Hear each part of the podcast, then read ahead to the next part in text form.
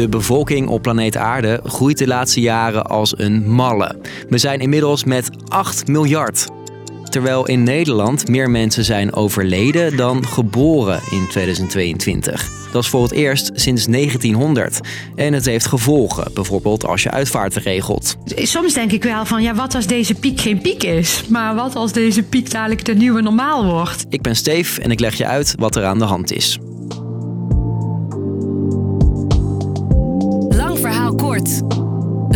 Podcast van NOS op 3 en 3FM.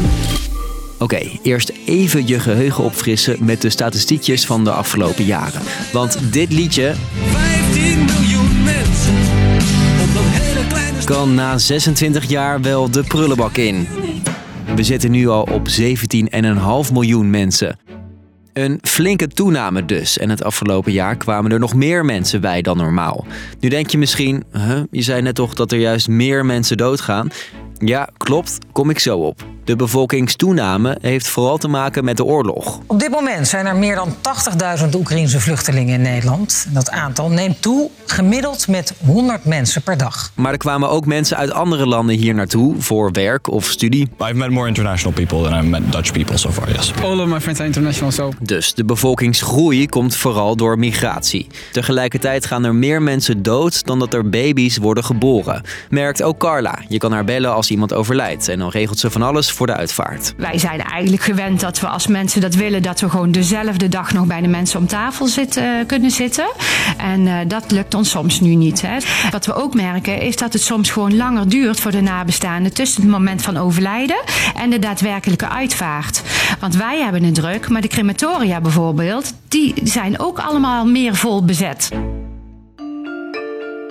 Die oversterfte, dat is dus dat er meer mensen doodgaan dan normaal, was de afgelopen twee jaar voor een groot deel te danken aan corona.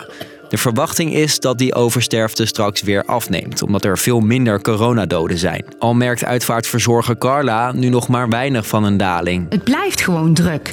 Meer dan 25 procent eh, eh, meer meldingen van overlijden dan we ingeschat hadden. Oké, en dan nu het aantal geboren mensen. Er komen dus minder nieuwe baby's op de wereld. In de jaren 60 kreeg een Nederlandse vrouw gemiddeld drie kinderen. Nu 1,6 kinderen. Clemens Ik heb zelf twee kinderen. zit daar dus boven. Hij is als projectleider bezig met de gevolgen van bevolkingskrimp. Oké, Clemens, hoe komt het dat de meeste mensen minder kinderen krijgen? Zodra we meer geld eh, eh, kregen en onze economie beter ging draaien, kregen we vanzelf eh, steeds minder kinderen en ook steeds later kinderen. Dat heeft volgens Clemens te maken met de noodzaak die minder is zodra je je geldzaken goed voor elkaar hebt. Vanuit een soort perspectief van dat je voor jezelf een soort verzekering moet inbouwen. dat kinderen ook voor jezelf kunnen zorgen. Ehm, eh, en daarnaast is de, de, toename van de welvaart betekent ook dat er een, een, een verhoging van het onderwijsniveau eh, eh, ontstaat. En steeds meer mensen vanuit zichzelf ehm, eh, gingen denken. En wat minder vanuit, eh, ja, ik ben hier op aarde als, als, als vrouw zijnde om kinderen te baren. En dat is mijn enige doel. Oké, nu weet je wat er aan de hand is. Maar waarom is dit allemaal belangrijk? Wat zou er gebeuren als deze trend doorzet? Dat er dus meer mensen doodgaan dan geboren worden. Vooral de politiek gaat dat merken aan de diepte van de schatkist. Het geld waarmee zo'n beetje alles wordt betaald. En dat bestaat uit de belasting die iedereen aftikt. En ja, als er minder mensen zijn, zegt Clemens, Dan krijg je dus steeds minder inkomsten. En als je daarnaast eh, ook nog een verhoging van de mensen die steeds ouder worden, dus de vergrijzing eh, gaat krijgen. En de daarmee ook groter wordende zorgvraag. Met, alle, met alles wat dat kost, ja, dan kan dat nog wel eens een probleem eh, eh, opleveren. Dus als er straks weinig mensen bijkomen, wordt het lastiger om de zorg en pensioenen van de grotere groep ouderen te betalen. Van die vergrijzing merken we nu al dat ouderen steeds langer moeten doorwerken voordat ze met pensioen mogen. Ik ga niet om mijn 70ste werken.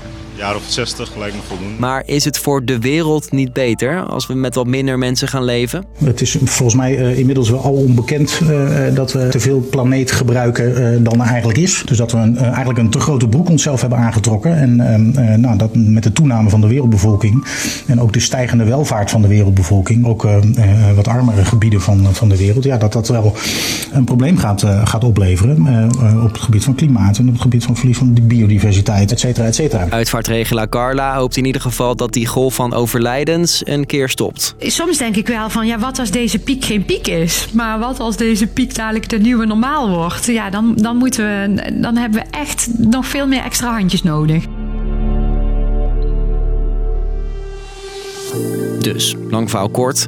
Voor het eerst sinds 1900 zijn er in één jaar meer mensen overleden dan baby's geboren. We krijgen sowieso steeds minder kinderen. Dat zou goed kunnen zijn voor de wereld als je kijkt naar het klimaat. Maar de vraag in Nederland is: als er straks minder mensen zijn, hebben we dan wel genoeg geld om de zorg en de pensioenen van ouderen te betalen? Vind je dit onderwerp interessant en wil je meer weten? Check de link in de beschrijving voor de Interactive die we laatst nog maakten. Dit was de podcast voor vandaag. Morgen zijn we er weer, springlevend rond de klok van 5. Doei doei!